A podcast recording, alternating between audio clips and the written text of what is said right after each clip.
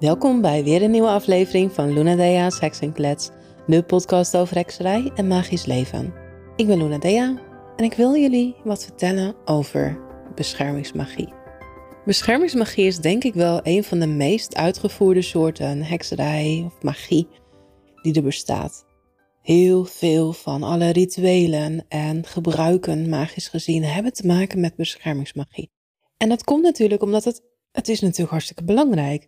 Het is belangrijk om jezelf te beschermen. Het is belangrijk om je huis te beschermen, om je bezittingen te beschermen, je, je geliefden te beschermen. Beschermingsmagie is er in ontzettend veel verschillende soorten, maten, typen, hoe je het ook wil noemen. Maar je kan het ja, eigenlijk terugbrengen tot huisbescherming, zelfbescherming en bescherming van je geliefde.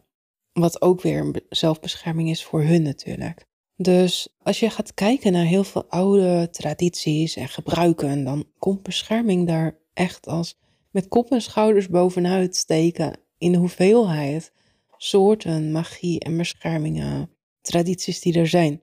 Dit jaargetijde, begin van het jaar, het jaargetijde waarin het gebruikelijk is om met je voorjaarsschoonmaak een heel stuk zuivering door je huis heen te laten gaan, hoort het vernieuwen van je huisbeschermingsamuletten en talismans hoort daar ook bij. Het is ook een heel oud gebruik om in dit jaargetijde met je oude huisbeschermers richting de wijze van het dorp of de streek te reizen om de, de zegening daarover, over jouw beschermingsamuletten weer te vernieuwen. Nu hebben we dus niet meer zo'n wijze van het dorp of de streek of de stad waar iedereen naartoe gaat en doen alle heksen dat gewoon zelf. Maar dat geeft wel aan dat als dat een oude traditie is van deze tijd van het jaar, ja, dan hoort het hierbij. Bij de inboek gebruiken hoort ook het vernieuwen van je huisbeschermers. Dus het is niet alleen een tijd van zuivering, maar na zuivering komt altijd bescherming. Want ik zie het zo, als jij al het negatieve, alle ziektes, maar ook de negatieve energie uit je huis hebt geveegd en ramen en deuren open hebt gegooid en alles naar buiten hebt gewerkt, dan is het weer helemaal schoon. Maar hoe zorg je er dan voor dat het schoon blijft? Dat is bescherming voor mij. Dus energetisch maak je je huis eerst schoon, zuiver je, en daarna komt de bescherming. En oude bescherming je kan natuurlijk zeggen van, nou ja, goed, als je het ieder jaar moet opnieuw moet, bescherming moet aanbrengen, dan, dan heb je het dus niet goed gedaan. Want je kan ook je bescherming in één keer goed doen, dat het voor jaren in één keer goed is. Maar ja, weet je, als je gaat kijken naar kleding, bijvoorbeeld, is ook een bescherming van je huid, van je lichaam, van je lijf. En die moet je ook af en toe vernieuwen, want ja, anders vallen de gaten erin. En het wordt vies en het is dun door het wassen en dergelijke. Dus kleding moet je ook vernieuwen. Als je gaat kijken naar je deuren en je ramen, die moet je eens in de zoveel tijd ook vernieuwen, omdat ze gewoon, ja, toch uh, gaan tochten, kieren er doorheen, uh, houtrot, dat soort dingen. Dus je moet het blijven onderhouden, blijven vernieuwen. Je moet je hout eens in de zoveel tijd moet je ook weer schilderen. Dus dat is ook weer een stukje bescherming van je bescherming. Sloten ja, het kan best zijn dat je slot op een gegeven moment toch een beetje los gaat zitten. Dat je, dat je sloten moet vernieuwen. Of het is gewoon nodig ook om je bescherming te onderhouden. Je auto is een bescherming als je op de weg zit. Een grote laag om je heen die stevig en stabiel is, maar die moet je ook onderhouden, anders is hij niet meer stevig en stabiel. En zo zie ik dat ook op magisch vlak. Als je bescherming aanbrengt op magisch vlak, moet je dat ook onderhouden. Anders geeft het na verloop van tijd niet meer de bescherming die je initieel erin gestopt hebt. Dus is het mooi om in een periode in de natuur waarin ook vernieuwing plaatsvindt, nieuwe bescherming aan te brengen. Nou, dat begint dus bij zuivering. Wat ik doe als ik kijk naar mijn eigen huis en mezelf, ik heb best wel heel veel verschillende soorten beschermingsmagie aangebracht. Ik heb er heel veel. Als ik dan ga kijken bijvoorbeeld, ik heb eikels in de raamkozijnen liggen. Ik heb heksenstenen hier en daar in het raamkozijn liggen. Ik heb sommige heksenstenen heb ik gevormd tot amulet, die ik bij de voor- en achterdeur heb hangen. Ik heb hier en daar edelstenen voor het raam hangen, heksenballen. In de hoeken van de tuin heb ik ook het een en ander aan bescherming aangebracht. Uh, hier en daar wat spiegeltjes. Het is dus heel erg veel. En ik geloof in de werking van elk amulet, elke bescherming die ik heb aangebracht. En het is echt niet zo dat ik denk, als ik alleen eikeltjes in de raamkozijn heb liggen, dan is mijn huis niet beschermd genoeg. Ik vertrouw op de bescherming van elk ja, beschermingsamulet wat ik heb, heb aangebracht. Maar samen is het meer.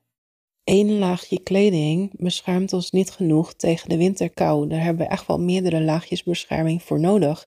Alleen het blik van de auto om je heen is niet genoeg bescherming. Daar heb je toch echt wel je gordel en de airbag extra bij nodig.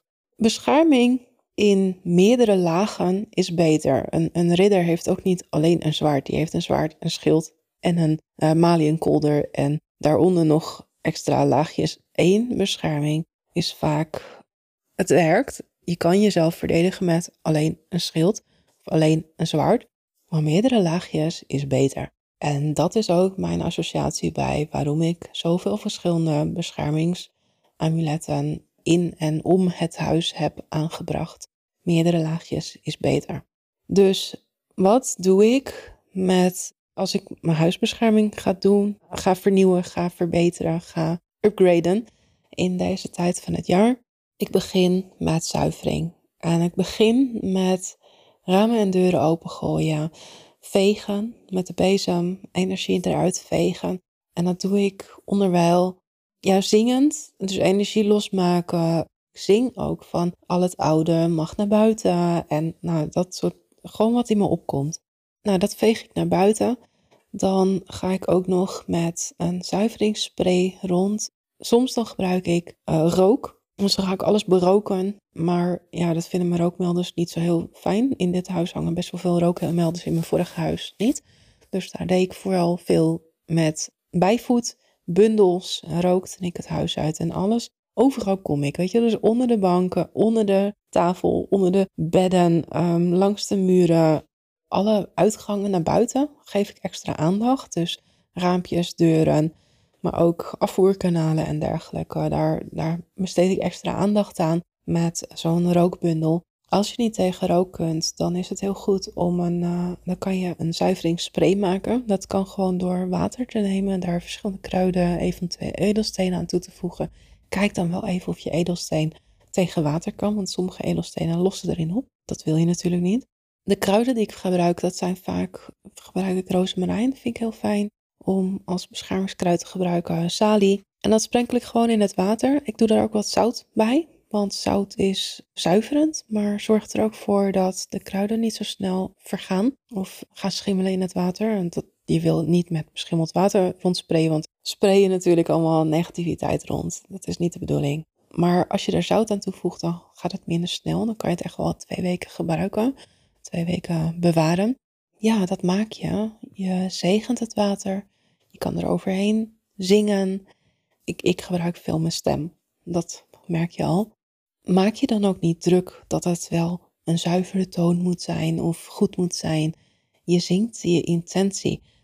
Door te zingen merk ik dat ik een andere stuk van mijn brein gebruik, mijn intuïtieve stuk. Ik maak me ook helemaal niet druk om welke toonsoorten ik gebruik, welke woorden ik gebruik. Het is, ja, ik zorg er wel voor dat de woorden aansluiten bij mijn intentie. Dus ik ga niet zomaar een liedje zingen. Nee, ik, ik zing de woorden van mijn intentie. Dus ik zing of ik vertel of ik spreek over het water uit van dit water. Ik voeg roosmarijn toe voor zuivering, voor zegening, zodat mijn huis gezegend wordt, mijn huis een juiste intentie krijgt, weer in balans komt, uh, gezuiverd en dat het alle negatieve losgelaten kan worden. En dat veeg ik dan daarna ook weer, weer naar buiten toe.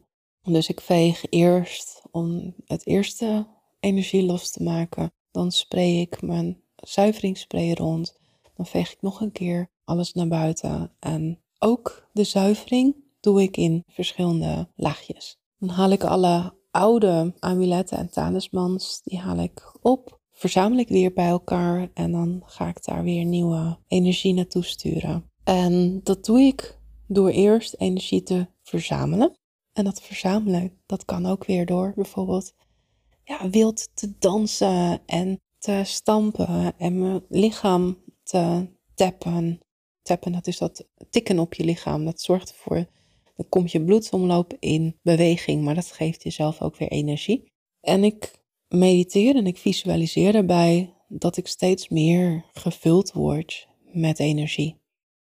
En dat ik als een soort dynamo oplaad. En dan op een gegeven moment, dan, dan visualiseer ik gewoon met mijn verbeelding. Dan stuur ik dan al die energie uit mijn lichaam via mijn armen, via mijn handen, naar al die amuletten. Dus naar die, die eikeltjes uit het raam. Of ik verzamel nieuwe. Dat is, ja, in het nieuwe jaar verzamel ik eigenlijk gewoon meestal weer nieuwe. En dan schenk ik de oude terug aan de natuur. Ik stuur mijn energie wel naar de heksenstenen en heksenstenen amuletten. De spiegeltjes, die maak ik eerst schoon ook met zuiveringswater. En al die amuletten en dergelijke in mijn huis, die, die verzamel ik bij mijn altaar, leg ik daar neer. En die, daar stuur ik dan weer nieuwe energie naartoe. Er zijn ook amuletten en beschermingsmanieren die ik niet kan verzamelen. Zoals bijvoorbeeld de tekens die ik op de deurposten en de raamkozijnen heb gezet. Die kan ik natuurlijk niet verzamelen, die kan ik daar niet afhalen. Ik heb nu kunststofkozijnen, dus daar kan ik geen, nou niet, zoals in hout. In hout zie je ook wel bij oude huizen dat daar zegels en tekens ingebrand zijn. Nou, dat doe ik dus niet bij mijn nieuwe kunststofkozijnen. Daar ga ik geen teken in branden, lijkt me niet zo handig. Dus ik zet ze daarop met, met stift. Heb ik er een paar op gezet. Ik heb soms ook gewoon met olie, dus dat is niet zichtbaar, maar het is er wel. En dat poets ik er dan weer vanaf en dan vernieuw ik dat teken weer. Dus dat doe ik dan. Daar stuur ik dan ook via mijn handen energie naartoe om ze weer op te laden, om het teken wat je er gewoon, gewoon zo opzet, om dat magisch te maken. Dat is eigenlijk mijn bedoeling.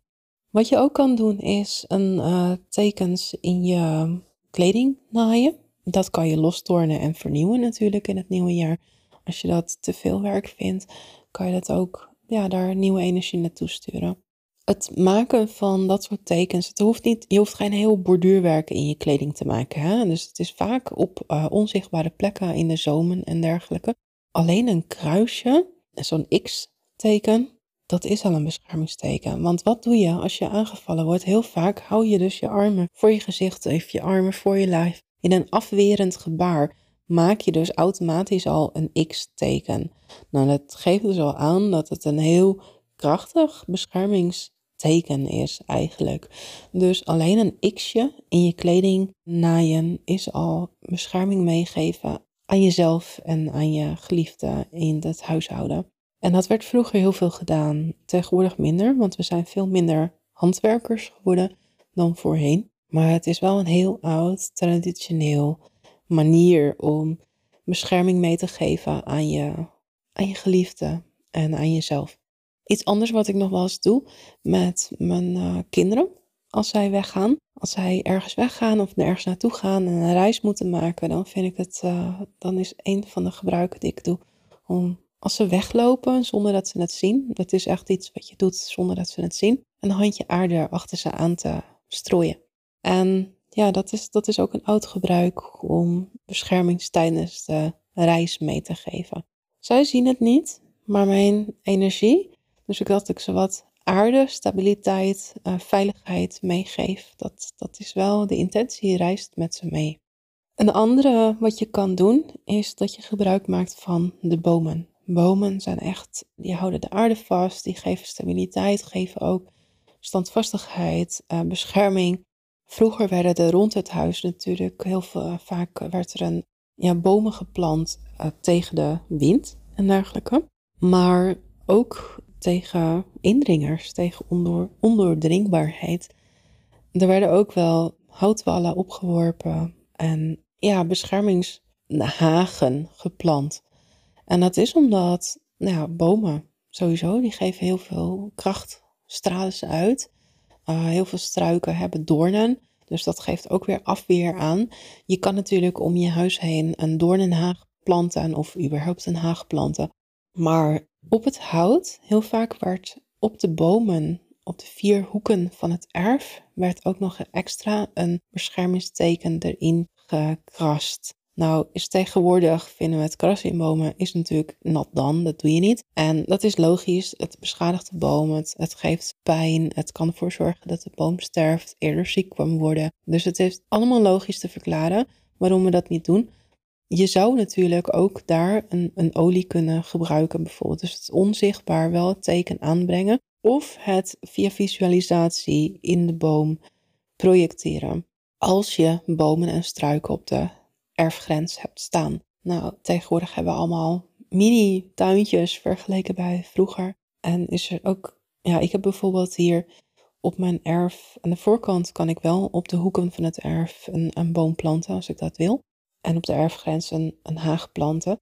Op mijn achtergrens, daar, daar heb ik een grote schuur staan als erfafscheiding. Dus daar kan het dan niet. Maar ik zou bijvoorbeeld wel op de buitenkant van mijn schuur een symbool kunnen schilderen. Dat zou ik kunnen doen. Ik zou op de houten schutting zou ik ook symbolen kunnen kerven of erin branden aan de achterkant. Dus op die manier kan je dus gewoon eens nagaan voor jezelf. Welke bescherming heb ik eigenlijk allemaal en hoe kan ik ze, op welke manier kan ik ze vernieuwen? En als ze vastzitten, dan kan je er gewoon energie naartoe sturen of ze opnieuw overtrekken.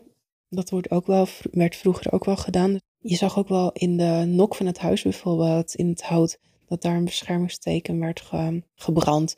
En ik weet wel, bij Poolse gebruiken heb ik wel eens gezien dat ieder jaar opnieuw dat teken erin werd gebrand. Dus dat werd steeds dieper en dieper en dieper. En hoe dieper het teken, hoe meer jaren daar dus nieuwe aandacht en energie naartoe gestuurd is. Dus dat zou je ook kunnen kiezen natuurlijk. Maar Ga voor jezelf eens na. En check ook af en toe nog eens in gedurende het jaar. Hè? Je hoeft niet al je bescherming altijd ieder februari opnieuw te vernieuwen. Maar je kan ook eens gewoon checken van welke energie zit er nog in. En gedurende het jaar kan je ook checken van nou, op momenten dat er heel veel gebeurd is bijvoorbeeld in je leven, dat je heel veel negatieve energie hebt ervaren of negatieve gebeurtenissen of heel veel emoties zijn geweest in het huis, kan je ook eens opnieuw checken wat dat met jouw bescherming heeft gedaan en of het niet het moment is om ze dan gedurende het jaar extra nieuw energie te geven en te zuiveren en nieuwe energie te geven. Want ja, het is natuurlijk niet zo dat niet handig om als je hele rauwe periode hebt gehad gedurende het jaar om die energie nog de rest van het jaar in je huis te laten hangen totdat het dus weer februari is. Dus zorg, zorg ervoor dat je ook gedurende het jaar af en toe eens incheckt en vernieuwt.